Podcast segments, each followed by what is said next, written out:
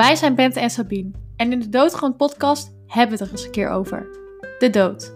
Want waarom lijkt het alsof we de dood het liefst uit de weg gaan? In deze podcast proberen we haar recht aan te kijken. We bespreken onze vragen met elkaar en gaan in gesprek met doodgewone mensen waarvan hun verhaal gehoord moet worden. Want dat we doodgaan, dat is het enige wat we zeker weten in het leven. Hey, hallo allemaal. Welkom bij een nieuwe aflevering van Doodgewoon. Vind het heel erg leuk dat je weer luistert. En we zijn sowieso echt super blij met, uh, met alle reacties die we van jullie krijgen. Echt heel bijzonder om te lezen. Uh, ga daar vooral mee door, want dat vinden we alleen maar heel erg leuk. Je kunt ons het beste bereiken via ons Instagram-account. Dat is doodgewoonpodcast. Maar mocht je liever een mailtje sturen met een vraag of reactie of wat dan ook, dan kan dat natuurlijk ook.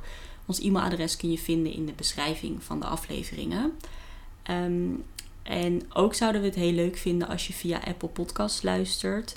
Als je dan een review zou willen achterlaten. Um, dit helpt ons om vindbaar te zijn voor mensen die ons nog niet kennen. Dus mocht je onze podcast leuk vinden, doe dat dan vooral.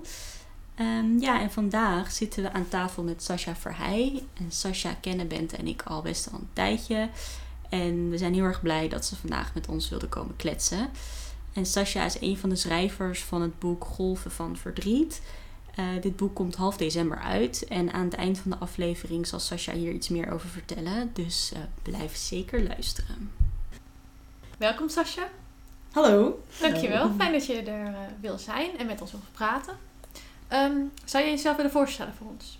Ja, ik ben Sascha Verheij, 24 jaar oud. Ik um, woon in Brussel. En daar doe ik de master gender en diversiteit nu. En ik heb de bachelor humanistiek hiervoor gedaan. En uh, ik uh, schrijf uh, ook artikelen over um, ja, taboegevoelige onderwerpen als de dood, waar jullie het ook over hebben in de podcast. En waarom vind je dat zo belangrijk om dat onderwerp daarover te schrijven? Ik, ik vind het belangrijk omdat het inherent aan het leven is. En dat ik het eigenlijk gek vind dat het zo in de schaduw wordt gezet. Terwijl het juist onderdeel is van het leven. Um, en uh, om het er niet over te hebben, dan doe je in mijn ogen geen recht aan wat het leven is. Ja, ik weet niet of ik daar een beetje ja. duidelijk mee ben van... Ja, iedereen die maakt wel een keer een verlies mee. Um, en het is gewoon belangrijk om het over te hebben. Om ook, ook dan een taal te kunnen creëren samen. En... En dat je het dan ook niet alleen hoeft te dragen. Hm. Ja, dus Ja. dat vind ik heel belangrijk. En uh, gewoon omdat ik zelf ook weet hoe het, hoe het ook zo... Ja, wat ik zelfs gemist heb toen ik 15 was. En mijn eerste echte grote verlies meemaakte. Hm. Ja. ja. Zou je daar ietsjes meer over willen vertellen? Hoe dit allemaal uh, ja. zo belangrijk voor je is geworden? Ja, ik, uh, wat ik al zei, op mijn vijftiende maakte ik mijn eerste grote verlies mee. Mijn vader die maakte een einde aan zijn leven. En uh, ja, dat is best snel gegaan. Want op het ene moment hoorde ik dat hij depressief was. En drie maanden later, na een tweede poging, was hij overleden. Dus dat was wel heel hectisch. Um, en ook echt een schok. Want ik wist niet eens wat depressie was. Wat zelfdoding inhield. Wat de dood inhield. Uh, ja, ik, en ik was 15. Ik zat in klas 4. En ik had echt zoiets van, ja, waar moet ik naartoe? Ik kon nergens naartoe. Uh, er was ook niet echt iets om het erover te hebben.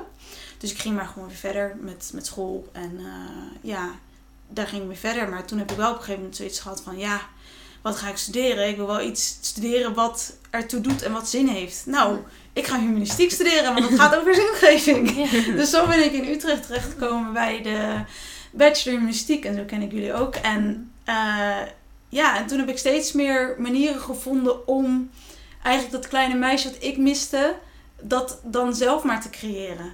Want ja, ik, ik, ik gun het niemand om in, in, in zo'n situatie te komen waarbij er gewoon geen plek is, geen taal, geen zichtbaarheid over verlies en al helemaal niet over zelfdoding. Ja. En wat merkte je toen je 15 was in je omgeving veel ongemak? Buiten dat je zelf een soort van geen idee had, maar dat die omgeving ja. dat ook niet had? Ja, ja, best wel. Ja, hmm. het was wel um, um, gecondoleerd en snel weglopen. Um, oh, ja. En het was, ja, niemand wist hoe ermee om te gaan. En hij was ook vermist een week, dus het was sowieso in het nieuws en ehm, echt een groot iets en heel publiekelijk. Dat wel heel persoonlijk was natuurlijk voor ons. En op een gegeven moment toen was hij gevonden en ja, dan merkte ik wel echt van oké, ehm, ik wil het erover hebben op school, maar niemand begint erover. Moet ik er zelf over beginnen? Maar hoe dan? Dat weet ik niet. Nou, dan gaat het er maar niet over. Dus zo ging het een beetje. Uh, gewoon pijnlijke stiltes. Mensen die, ja, vooral mijn klasgenoten, die dan weer doorgaan zeuren over huiswerk. En ik nam ze dat eerst altijd heel kwalijk. Mm. Terwijl ik, als ik er nu in retrospectief naar kijk, kan ik ze het niet kwalijk nemen. Want niemand leert ze hoe een gesprek te voeren over de dood en over zelfdoding. Dus ja, er was heel veel ongemak. Ja, heel veel, ja. Ja, want het is erg natuurlijk ook als jij... Jij maakt het mee en weet eigenlijk al niet hoe het moet. Hoe kunnen dan andere kinderen van 15 ja, inderdaad precies. in godsnaam weten wat ze daarmee aan moeten? Ja. En wat, wat op dat moment heb je dus heel erg een, een taal gemist, zei je net. Ja. Wat nog meer? Ehm, ik, ik heb ook uh, vooral ehm, ja, um, lotgenoten ook gemist. Hmm. Um, dus ik voelde me ook echt de enige. Dat rare kind met een hmm. zelfmoordvader. Hmm. um, en ja, het voelde alsof ik soort van. Alsof, alsof, alsof ik degene was die. Ja. Ik voelde me ook echt een dramatisch kind. Het kind met een drama. En um, was fijn geweest als er, als er gewoon al, als ik al iets had kunnen lezen of kunnen zien of van mensen kunnen ontmoeten. Van hé, hey, het is niet gek wat je nu ook meemaakt en wat je nu voelt en wat er is gebeurd. Ehm, het is menselijk en je, je, je overleeft dit ook. Ehm, maar ja, dat, dat, dat, dat, dat was er niet echt. Nee, ik ben wel gedichten gaan schrijven om, als een uitlaatklep. Hmm. En dat doe ik nog steeds. En dus dat schrijven zit wel echt in me. Dus ook in de artikelen die ik uh, schrijf. Um, ja, en dat heeft me wel heel erg geholpen. Om hmm. dan maar, dan maar bij mezelf te schuilen, als het ware. Ja, ja. ja want wat, wat deed het eigenlijk met jou dat je uh, geen plek vond waar je terecht kon eigenlijk met je ervaring? Dus je bent gaan schrijven en je zei ook dat je wat meer in jezelf dan maar. Ja. Hoe, hoe lang heeft dat geduurd? Of hoe is dat uh, gelopen? Ja, ik ben, ik ben gaan schrijven en muziek gaan maken. Mm het, um, ja, en toen eigenlijk zelf ben ik toen twee jaar later in klas 6 zelf in de depressie terechtgekomen, ironisch gezien. Mhm. Maar uh, gelukkig ben ik toen nou, wonder boven wonder mijn eindexamen gehaald. En toen naar Utrecht verhuisd. Of niet verhuisd, maar wel naar Utrecht gegaan voor de studie. En daar was voor het eerst dat ik gesprekken kon voeren over het leven en de zin. En zo ben ik een beetje, ja, was ik niet meer zo alleen daarin om hmm. het over te hebben. Ja. Dus toen pas had je eigenlijk voor het eerst de ervaring van, oh, er zijn wel mensen met wie. Uh... Ja, toen had ik wel pas de eerste hmm. ervaring van, ja, ik kan er wel over hebben met mensen. Ja, en er zijn ook mensen die, die me dan niet per se verlaten omdat ik zo drama hmm. ben of zo. Ja. En wat heeft dat met jou gedaan dan? Dat je toen die mensen wel vond? Want dat, hoeveel tijd zat daartussen? Best wel veel dan, of niet?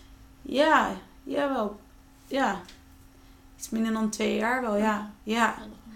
Ja. Ja, het uh, was wel een opluchting.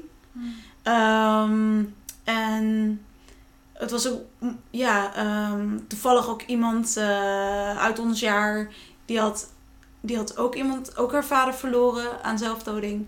En dat je dan een soort van herkenning bij elkaar vond van, ja, ben je ook zo boos? Uh, gewoon echt boos van, ja, waarom doet een vader dat en laat een kind zo achter? Hoe haal je het in je hoofd? Uh, en dat die boosheid er ook mag zijn of zo. Van, want daar schaamde ik me ook voor, van nee, ik mag niet boos zijn. Uh, hij was ziek, depressief. En het uh, is zo gegaan en uh, daar moet ik maar mee leren leven. En, nou, dus het is fijn om dan dus ja, mensen te ontmoeten die dan wel, ja, die gewoon niet wegduiken voor gesprekken over ja. zulke onderwerpen. Hmm. Ja. En nu probeer jij eigenlijk met alles wat jij nu doet, die ruimte alvast te creëren voor Ja. de mensen die er nu mee te maken hebben of te maken mee hebben gehad. Ja. Ja. Ja. Ja. Ja. Want hoe doe je dat nu? Ehm, ja, het doet me denken aan een, een, een, een gesprek met een vriendin. Die, eh, die toevallig haar vader ook aan soort, soort eh, zelfdoding heeft verloren. Zij zei, zij zei iets heel moois. Zij zei ze van, ik denk niet zozeer dat er ruimte is voor zoiets als, als de dood. Maar dat we die ruimte zelf moeten creëren. En dat Mhm. het dan komt. En, ehm, en dat raakte me, resoneerde wel heel erg met mezelf. Van inderdaad, dat heb ik echt gemerkt. Van, hé, hey, ik kan dat creëren. Het enige wat ik zelf in de hand heb is hoe ik ermee omga. En, en hoe, hoe ik, eh, zeg maar, ja, wellicht ook een spiegel kan zijn voor anderen. Eh, door er dus wel open over te zijn en wel over te schrijven en wel ook lotgenoten te, op te zoeken ehm, en, en, en films op te zoeken en boeken erover te lezen. Ehm, ja, op die manier probeer ik dus ruimte te creëren voor ja, zoiets als de dood. Mhm. Ja. En heb je het gevoel dat je die ruimte. mm, dat je die mag innemen of dat je daar wel een beetje moet vechten voor dat plekje? ja, dat hangt heel erg van de context af. Ja, ja ik, ehm, als ik op een gegeven moment mensen die zich al bezighouden met levensthematieken, zoals humanistiek studenten, dan, dan is dat ja, vrij makkelijk om die ruimte in te nemen. Maar ja, als ik dan kijk naar waar ik vandaan kom, Friesland, eh, en ook gewoon binnen mijn eigen gezin, heb ik Mhm. altijd moeite gehad om de ruimte te nemen. Het is eigenlijk niet iets waar we over praten. Ik heb het eigenlijk met mijn broer en zus nooit echt over. Hm. Ehm, nee, nee. Dat, ik, ik, ik heb er heel erg ook mee geworsteld. Want ja, je maakt hetzelfde mee. Mijn zus is een half uurtje ouder en mijn broer Mhm. anderhalf jaar. En je maakt het allemaal zo mee. En het liefst wil ik het daar dan over hebben. Maar dat, dat komt gewoon niet. Dat, Mm. dat, dat, kon, ja, dat kon niet. Mijn moeder probeerde het ook wel hoor. Maar mijn broer en zus gaan er zo anders mee om. Die rouwen op zo'n andere manier. En daar ben ik heel lang boos om geworden en om geweest. En echt na zes jaar pas of zo heb ik voor mezelf gerealiseerd van oké, ik ga geen energie meer steken in mijn broer en zus vormen naar mensen hoe ik wil dat ze zijn en hoe ik wil dat ze rouwen en hoe ik wil dat ze met papa omgaan. Nee, dat kan niet, want zij zijn een persoon op zichzelf en zij gaan er op hun eigen manier mee om. En dat merk ik ook gewoon met de zelfdodingen die daarna nog zijn gebeurd. Mijn neef vorige zomer en mijn moeders vriendin ehm, afgelopen maand. Ze, zij reageren gewoon heel anders. Dus ik kan beter mijn energie steken in ehm, mezelf en mezelf leren te verhouden tot eh, hen als persoon. Ja. Ja. If that makes sense. Ja. Ja. ja, ik snap wat Het je is wel bedoelt. mooi, Ja. want anders kost het natuurlijk ook super veel energie. Want dan ga je er zelf op een bepaalde manier mee om. En dan wil je ook nog je omgeving soort van Ja. veranderen. Dat kost ook heel veel energie. Ja. Dus Maar ik kan me ook heel goed voorstellen dat je er boos om bent. Ja, en dat, het, zeker. dat je tegen een muur aanloopt misschien af en toe. En Ja. dat je Ja. denkt van jullie zijn de enigen die misschien mij kunnen begrijpen. Want Ja. we, ja. Ja. ja. Ja, dat vond ik, ik- ja, ik vond het wel lastig. Ik weet nog dat we vorig jaar, eh, dus niet afgelopen april, maar het jaar ervoor, gingen mijn zus en ik de halve marathon van Berlijn doen. Met het idee van, oké, papa heeft allemaal marathons gedaan. En eh, ook van Berlijn. Van New York gaan we ook nog doen een keer. Maar we hebben dus Berlijn halve marathon gedaan. Mhm. Ehm, en dat we terugkwamen van het weekend. Want ik was met mijn broer en mijn zus daarheen gegaan. Mijn broer wilde niet zoveel geld betalen om eh, te gaan rennen. dus die ging niet meedoen. maar was er wel voor de support. En toen waren we dus terug van het weekend. En mijn zus en ik die halve marathon gerend. En tijdens het hardlopen van die halve marathon kwam bij mij de hele tijd de gedachte... Papa was zo gezond. Echt, hij sportte superveel. Hij rookte niet, hij dronk niet, hij deed geen drugs. Hij, deed, hij, hij had gewoon een heel gezond leven. Waarom, waarom moet hij al dood zijn? Huh, weet je, ik was heel boos. Ja. Van, dat is niet eerlijk of zo. En, en, en dat vertelde ik toen ook toen we weer thuis waren. En ja, mijn zus die had zoiets van... "Oh, ben je daar nou nog steeds zo mee bezig? Ehm, als in, waarom moet je het weer over papa hebben? Mm. En ja, dat, dat vind ik dan wel lastig. En, en ja, ja, ze kan dat dus gewoon niet. Dus ik probeer, in plaats van er boos op te worden, probeer ik maar gewoon dat te accepteren. En eh, het mooie vind ik is dat eh, ik was een keer naar een, een, een, een, een lezing waar je ook toen bij was van de School of Life. Oh ja. Hoe heet ze ook alweer? Over Julia Samuel. ja, Julia Samuels. Ik heb haar toen nog aangesproken daarna met deze kwestie van, oh, ik wil gewoon zo graag het erover kunnen hebben met de mensen die het zelf hebben meegemaakt en die mijn vader ook gekend hebben. Ja. Wat moet ik doen? Want ja, ik loop steeds tegen een muur op. En ik vond het zo mooi dat ze vertelde van, ja, ga iets doen wat je vader graag deed en dan dat het dan met jullie elkaar ook verbindt. Dus dat je Mm. gewoon niet per se hoeft te praten, maar bijvoorbeeld tuinieren. Oh, ja. Misschien moet je vader het heel leuk, dan ga je dat doen. Mhm. Bijvoorbeeld nu gaan we eh, ehm, over iets minder dan een jaar. eh, dan is het 30 jaar geleden dat mijn vader met een vriend naar de Noordkaap heeft gefietst. Ja. Gaan we volgend jaar met z'n drieën meedoen. Met dan die vriend die nog leeft. Oh, ja. En eh, hij heeft zijn moeder aan zelfdoding verloren. Dus hij is ook heel erg bezig met het thema. Gaan we dus met z'n drieën dat doen. Dus, dus meer richten op, oké, wat kan je dus wel samen doen? Zoals zo'n marathon. Zoals zo'n lopen, ja. halfmarathon lopen. Maar ook bijvoorbeeld dus nu naar de Noordkaap gaan Ja. fietsen. Eh, want mijn z- broer en zus, die zijn zo niet van het praten. Die zijn niet van het schrijven. Die, nee, die zitten heel anders in elkaar. Eh, maar dat betekent niet dat ik geen verbinding met ze kan leggen. Maar het is gewoon even zoeken. Ja. Ja. Mooi, mooi. Andere vorm eigenlijk. Ja, ja, Klopt wel. ja. En je zegt dus dat je eigenlijk al heel wat ervaringen Ja, hebt met zelfdoding en ook zelf depressief bent geweest. ja. Hoe kijk je daar dan tegenaan? Want dat is natuurlijk ook best wel complex. Want jouw vader die was depressief. Ja, En daarna ben je dus ook zelf ja, depressief geworden. En ja. Ja, hoe is dat allemaal gegaan?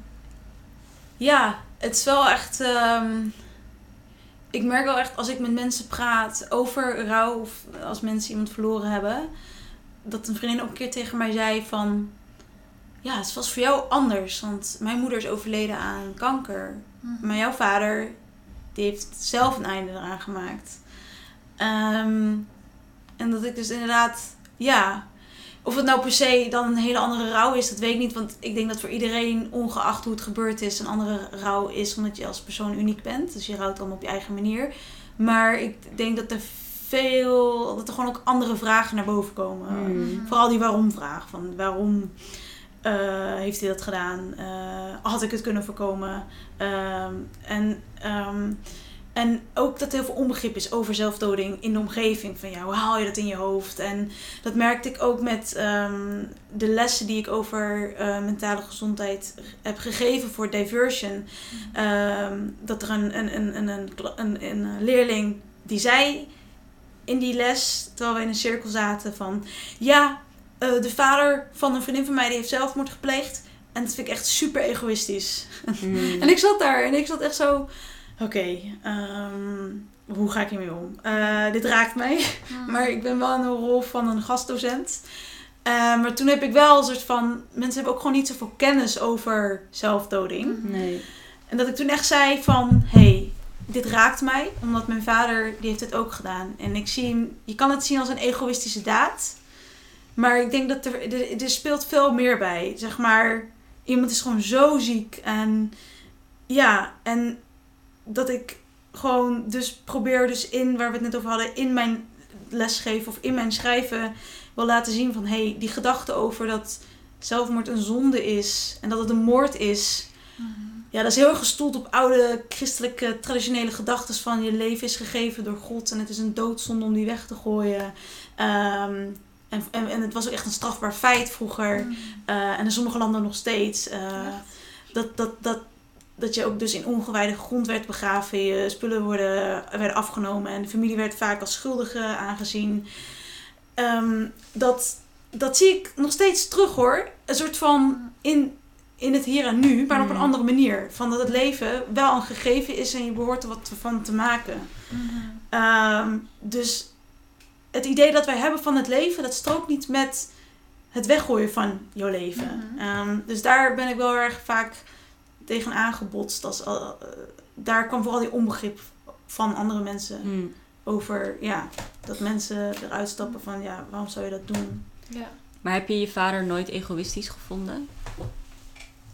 Hmm, goeie vraag. Ehm, nee, nee. Nee, bij mij is dat nooit naar boven gekomen omdat ik zo gezien heb hoe die heeft geworsteld. Mm. Want hij is dus toen, eh, ja, het moment in november 2011 kwam ik thuis van, oké, ehm, papa slaapt niet meer thuis. En, want hij heeft zich opgenomen, hij is depressief. En toen heb ik hem dus die drie maanden kunnen opzoeken in het psychiatrisch ziekenhuis. En er was, zat gewoon geen leven meer in. Was gewoon niet te doen. Was gewoon al, al doods, dood in het leven. En Mm. ook met die, ehm het afscheid twee, eh, anderhalf week geleden van mijn moeders vriendin. Toen had eh, haar man eh, notities gevonden en heeft die voorgelezen. Eh, en dat was ook wel weer heel veel herkenning. Er stonden dus op de notities dat zij dus dat in de laatste dagen van haar leven afgelopen maand heeft geschreven van ik voel een soort kortsluiting. Ik ben, ik ben al zo doods in dit leven hier. Ehm, Niemand ziet dit. Ik kan maar geen connectie maken met, met het hier en nu. Ik ben er gewoon al niet meer. En gewoon die zwaarte, ja. Ja, het is gewoon... Het is niet dat ze niet meer willen leven, maar ze willen dit leven niet meer leven, Nee. zeg maar. Ja. Dat, dus dus ik, ik, ik, ook omdat ik zelf ervaring heb met depressies, kan ik het niet als egoïstisch zien. Nee. Nee, en ook niet in de. ehm, want je zei net dat je soms wel boos bent geweest. Ja. Waar, wat, waar ben je dan, zeg maar, wat is dan de boosheid? Is dat meer gewoon dat hij depressief is geworden, dat je daar boos om bent? Nee, nee, ik ben vooral boos dat ik geen vaderfiguur meer heb. Dus dat Ja. hij er niet meer is. Dus dan ben ik niet per se boos op zijn daad, maar meer boos op de gebeurtenis. Van Mm. oké, ik heb geen vader meer. Ik ben gewoon boos op het feit dat ik geen vader meer heb al Ja. sinds mijn vijftiende. En Hm. dat ik hem zo erg moet missen. En ja, dat, ik, dat vind ik gewoon, daar ben ik gewoon zo boos om. Ja. Mm. Op hem persoonlijk. Dus niet op hem persoonlijk, nee. Meer dat ik geen vader meer heb. Nee. Ja. Heb je het idee dat jij, doordat jij die depressies hebt meegemaakt, ehm, ook wel anders naar zelfdoding bent gaan kijken? Ja, ja. Ja, ja, ik, ehm, ik zelf ben ook wel echt suicidaal geweest. Dus ik begrijp ook echt hoe je er in zo'n mal kan zitten en dat dat de enige oplossing lijkt. Ja, ja, ja, dat begrijp ik wel erg. Ja. Ehm, want het, je, je ziet ook niet meer in dat zoiets voorbij kan gaan. Dat alles tijdelijk is, alle gevoelens zijn tijdelijk. Dat zie je niet meer in. Dus dat, dat ik snap, ja, ja. En kan je het dan, denk ik, ehm, want ik, eigenlijk vind ik het eigenlijk alleen maar heel verdrietig dat je het zo goed snapt. Ah, ja. Mhm. Dat je het bijna de mensen die het misschien niet begrijpen en dus dat meisje die zei dat ze het egoïstisch vond, Ja, dat je het bij hen bijna ook niet kwalijk kan nemen dat, nee, dat ze het vinden, omdat ze zich gewoon niet kunnen verplaatsen in iemand nee. die zo wanhopig is. Nee. nee, ik, ehm, ik, ik, ik, ik zeg ook altijd van, ik vind het alleen maar mooi dat je het, nou niet per se mooi, dat is niet het eerste woord, maar ik, ik gebruik het nu even, omdat ik even Mm. geen ander woord weet.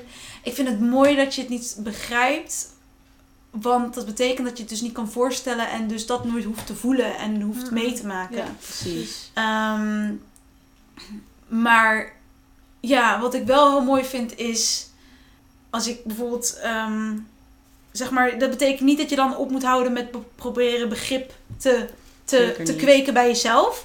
Als ik dan bijvoorbeeld bij mijn broer en zus vond ik altijd heel veel onbegrip rondom depressie.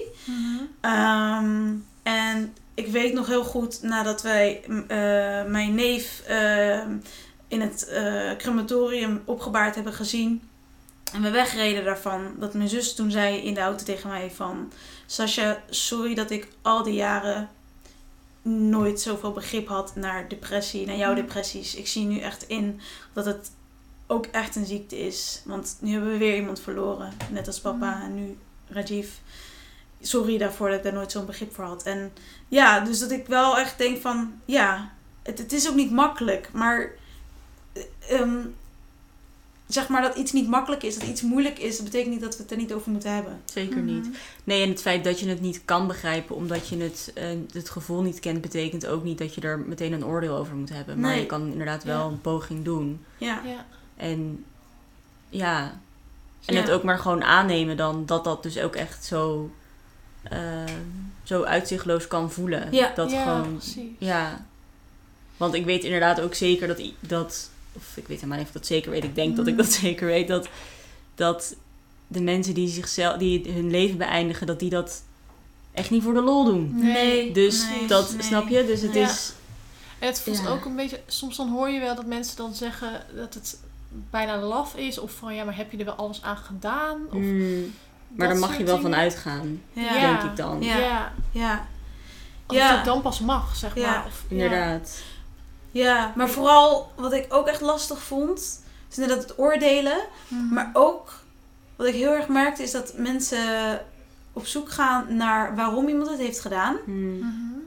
Maar terwijl ik eigenlijk dan heel nuchter denk van ja, maar de enige die dat kan vertellen, die is dood. Ja. Ja. Ehm, want dat merk ik dan soms in sommige documentaires, dat ze dan heel erg op zoek gingen naar waarom iemand het heeft gedaan. Eh, en dan psychiaters spreken. En ik snap heel goed dat het heel menselijk is. Je wil als mens eh, echt alles weten, ehm, duidelijkheid te hebben. Maar ik vind dat, vond het zelf heel vermoeiend. Mensen die er op die manier nou om, mee omgaan, omgingen. Van die waarom vragen. Weet je, uiteindelijk leven we met meer vragen dan met antwoorden in het leven. Dus Ja. ja. En denk je, ehm, want ik snap wel wat je zegt, maar het lijkt me ook, ik snap ook wel mensen die vragen hebben. ja. Hoe kan je omgaan met het, ehm, zonder het stellen van die vraag? Snap je wat ik bedoel? Ja. Ehm, nou, dat vind ik eh, een mooie vraag. Want met eh, een keer een lezing van Manu Keersen, die jullie vast ook kennen, Mm. eh, vertelde hij iets heel moois. eh, wat ook wel echt vast in zijn, boeken, in zijn boek eh, beschreven staat. wil ik wel even voorstellen over het stellen van, of voorlezen over het stellen van vragen. Mooi. ja. Hij zegt namelijk: overleven bestaat uit het stellen van de vragen, niet uit het vinden van antwoorden. Als je als rouwende andere mensen kunt vinden die dat begrijpen en die je ondersteunen zonder antwoorden proberen te geven, helpt dit om het uit te houden en opnieuw zin te vinden in het leven. Dus inderdaad, het stellen van die vragen, dat is iets heel moois en het helpt ook bij je rouwproces. Mhm. Maar ja, vastklampen aan antwoorden waarvan Ja. je nooit zeker weet of dat het juiste antwoord is, ja, dan snij je jezelf in de vingers. Ja. En hij zegt dus ook dat het belangrijk is om dat samen te Ja. doen. Of met lotgenoten Ja. of soort Ja. mensen die dat begrijpen. Ja. Hoe zie jij dat? dat eh, zijn anderen heel belangrijk ehm, in een rouwproces? Ja. Ja. Ja, om ook perspectief te bieden en ehm, het niet alleen te hoeven dragen. Mhm. eh, helpt het me heel erg om met anderen het over te hebben. Ja, Ja. zeker. Ja. En een andere vraag die ik nog heb. ehm, als je eh, zelf dus ook depressief bent geweest en suicidaal bent geweest. En dus eigenlijk heel goed die wens kan begrijpen. ehm, dat heb jij doorstaan eigenlijk. Of gelukkig, je bent er nog. Ehm, wat, wat helpt jou daarbij om ja, daaruit op te klimmen, zeg maar? Ah, ja, ja. Ja, ik had ook echt de vraag: waarom plegen we niet allemaal zelfmoord? Mm. Ehm, en wat me daar vooral erg in inspireert, zeg maar, die vraag heeft vooral een filosoof mij heel erg ehm, geïnspireerd. Eh, Albert Camus. Eh, hij, hij heeft het ook over. Hij zegt dat zelfmoord de grootste filosofische vraag is. Eh, en dat, ehm, dat vooral eh, in, in, dit, in dit filosofische vraagstuk het, het, het probleem, zeg maar, of eigenlijk de ervaring van het absurde zit. Dus dat je. Wat hij zegt is dat er een confrontatie bestaat of ontstaat tussen enerzijds als mens verlang je naar duidelijkheid en antwoorden. Maar anderzijds heb je de wereld die gewoon stil blijft en geen antwoorden geeft. En dat is het absurde gevoel. En dat kan je op elk moment overkomen. Dus dat is geen intellectuele arbeid. Dat is gewoon, je, je staat in de lift en je denkt, oh, waar ben ik mee bezig? Wat doe ik hier? Eh, wat is de zin van het leven? Ehm, en ik vind dat hij daar heel erg mooi op ingaat. Want hij zegt namelijk ehm, dat dus eh, juist in dat absurde, wat sterk samenhangt met besef van eindigheid ehm, en de onvermijdelijke dood, eh, heb je twee opties. Je kan ofwel een religieuze sprong wagen, dus dat je echt aan een religie gaat hangen als het ware En daar die dat je leidraad is Ja. en daar je antwoorden in vindt. Of je gaat er tussenuit piepen, je plicht zelfmoord. En je ontkent dan eigenlijk je bestaan. Eh, maar hij eh, suggereert een derde optie, namelijk jezelf in het leven gooien. En juist aanvaarding van het absurde. En intens en hartstochtelijk gaan leven. Dus dat heeft me ook juist echt geholpen, samen met die ervaringen van die verliezen, van hé, hey, ik, ik, ik heb niet zoveel te verliezen als in de zin van, ik, ik ben er nog steeds en ik kan er maar het, het beste van maken. Of, ja, hoe leg ik het uit? Een soort van, een vriendin van mij die, vindt, die zegt ook altijd heel mooi, ik bezit verlies. Hmm. Dus het is een soort tegenstrijd, Hmm. is tegenst, eh, ja, strijdigheid. Maar. Ja. ja, zo voelt het wel. Van ja, het, het zijn toch allemaal lessen weer voor mij. Om, Hm. en, en des te meer, ja, voor mij reden om dan maar echt alles uit het leven te halen. Want het kan zomaar over zijn. Dus is het eigenlijk ook dat het voor jou bestaat er niet echt een, een zin van het leven, maar daarom kan je juist. Ja, juist die zinloosheid accepteren. Maar het, neemt, nee, het is niet dat ik per se zeg van er bestaat geen zin van het leven. Ehm, ik denk eerder dat dat ook niet de juiste vraag is. En de juiste formulering. Dat gewoon meer van er bestaan ehm, zinnen, zeg maar. Je kan zin, zinvolheid ervaren, zeg maar. Dus je kan je eigen zin vinden. Hmm. Ja. Ehm, en dat houdt me heel erg op de been. Dus ik heb Mhm. door de jaren heen, sinds dat verlies van mijn, en, eh, van mijn vader en, en mijn eigen depressies, gewoon steeds duidelijker wat zo belangrijk is voor mij om mezelf op de been te houden. Namelijk eh, surfen, vrienden zien, schrijven, ehm, goed eten, mediteren. Dat, zijn, dat is mijn EHBO-kitje als het ware. Mm. Om dus eh, het leven ja, op mijn manier ja, zinvol te ervaren. Ja. Dus een Ja. soort ankerpunten of zo van. eh, Ja. Dit helpt mij Ja. doorheen. Ja. Mooi wel. Hebben jullie een duidelijke zin, zin Duidelijk E EHBO-kit. EHBO, een, een, EHBO-kit? Ehm, nou, ik denk wat je zei inderdaad, dat er zinnen bestaan. Dat, het, dat de zin van het leven niet een statisch iets is. Mhm. Dat denk ik op zich wel. En dat het ook, ja, dat het dus dynamisch is en kan veranderen. Mhm. Ehm, ik denk het feit dat ik keuze heb om, om daartussen te kiezen, dat dat de zin al is of zo.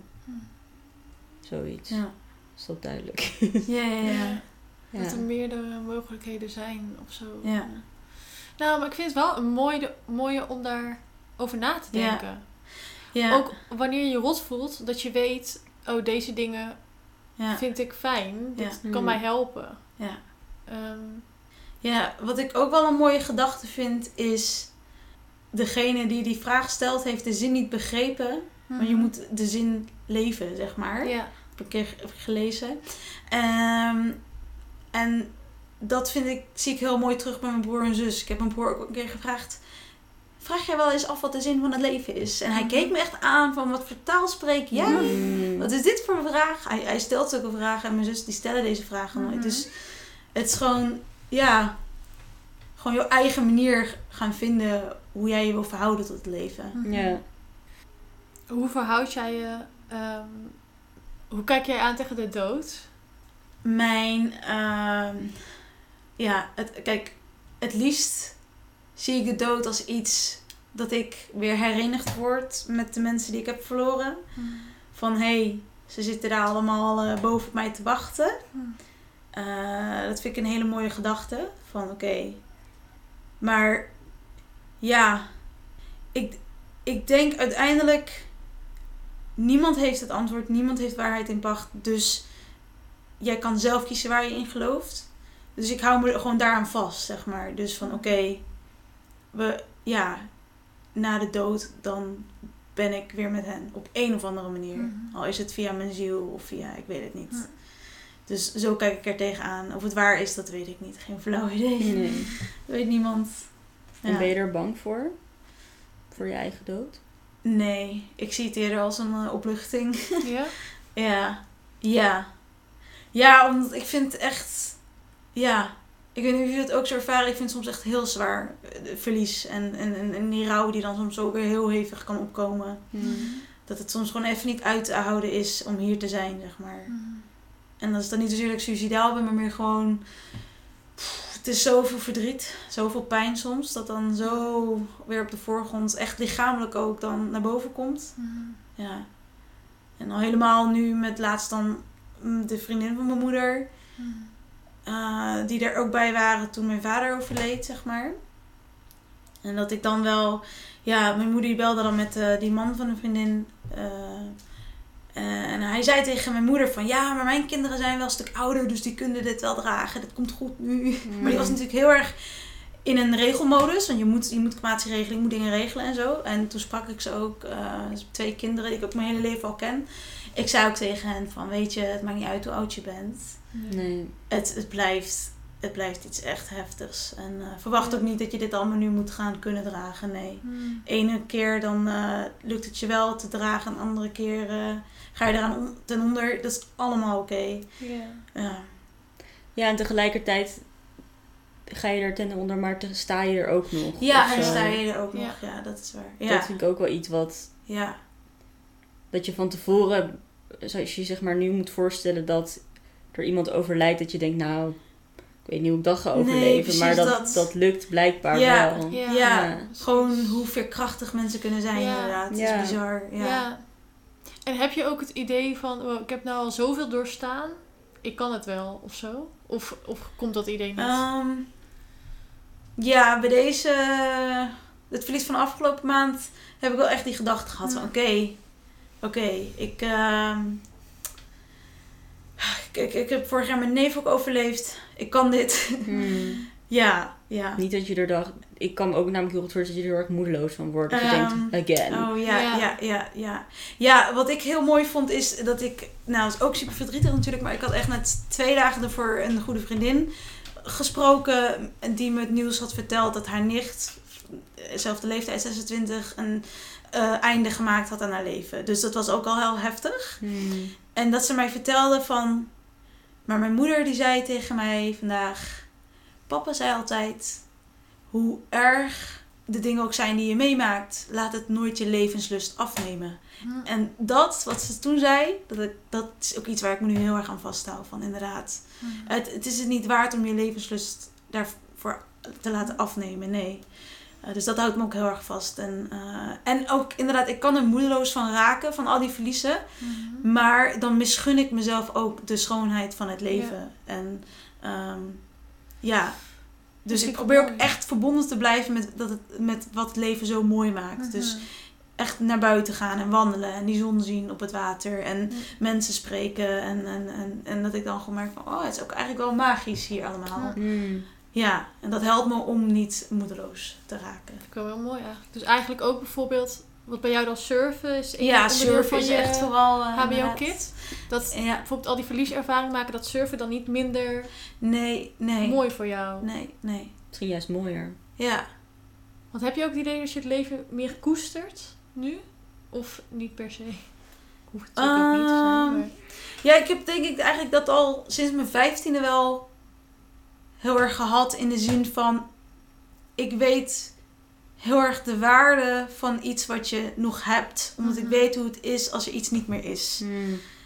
Dus dat ik echt zo erg mijn, mijn, mijn, mijn familie en mijn vrienden ben gaan waarderen en het leven. Ja, ik denk wel dat dat, ja, dat, dat wel heeft meegespeeld, ja. Het is natuurlijk ook heel heftig en jong, dus jij dat hebt ervaren. Ja. Ja, ja, ik vind het ook bizar hoor. Soms vraag ik me echt af van... Hmm, Hoe heb ik wel- dit gedaan? ik vind het wel Ja. gek van dat er zoveel eh, Zo'n leeftijd al. mensen wegvallen. Ja. Want is er nu iets wat je zou nog... ehm, ja, niet dat jij de waarheid, of iemand überhaupt waarheid heeft, maar... Ja, wat zou jij nou aan dat 15-jarige meisje dat je zelf was... Wat zou je daarvoor willen doen nu? Tegen willen zeggen. Ja. Ja, ik ehm, zou sowieso willen zeggen, je bent niet alleen. Je bent ook niet de enige. En je hoeft het ook niet alleen te doen. Dus ehm, er zijn mensen, er zijn, het hoeft niet per se lotgenoten te zijn, maar er zijn gewoon mensen die wel met jou eh, door dit verlies heen, ja, dat, dat samen willen gaan dragen. En dat het ook, dat je sterker bent dan je, dan je denkt ook. Hm. Ja. En dat het heel belangrijk is om verbonden te blijven met wat het waard maakt om te leven.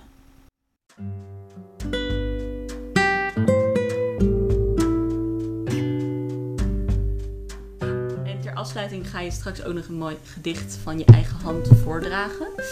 En je noemde net ook al in de aflevering dat, uh, ja, dat het schrijven van gedichten je ook wel heel veel troost heeft geboden. En nu weten wij toevallig dat je die ook in een boek hebt gebundeld. Zou je daar iets meer over vertellen? Ja, ik heb uh, inderdaad een uh, boek geschreven waarin meer gedichten van mij voorkomen. Uh, het boek gaat specifiek over de ervaring van depressie. En die heb ik samen met een vriendin geschreven omdat wij zelf vinden dat er nog te weinig aandacht en kennis is over hoe het nou echt is om in een depressie te zitten. En dan door onze gedichten en onze verhalen en ook illustraties van een andere vriendin proberen wij dan zo licht te werpen op um, depressie. Um, en ja, die, het boek heet Golven van Verdriet. Leren surfen op de zee van depressie. En uh, ja, zoals je zei, ik zal een gedicht voordragen. Ik uh, vind het wat fijner om dat met de gitaar te doen. Dus uh, ja, dan um, ga ik dat nu doen. En het gedicht gaat specifiek over rouw en over hoe rouw geen tijd kent. Van, het is niet zo van, oh het is al zoveel jaar geleden, ben je er nog mee bezig? Nee, het is nog steeds legitiem en je hoeft het ook niet te legitimeren dat je rouwt. Nee. Mooi. Ja. Oké. Okay.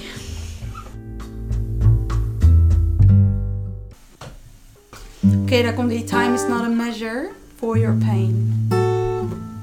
Time is not a measure for your pain. Grief is not a competition. Memories won't stay the same. Tears don't need permission. Rain it out, speak out loud, not necessarily to be heard, but for the illiterate world to see how it is to be mourning.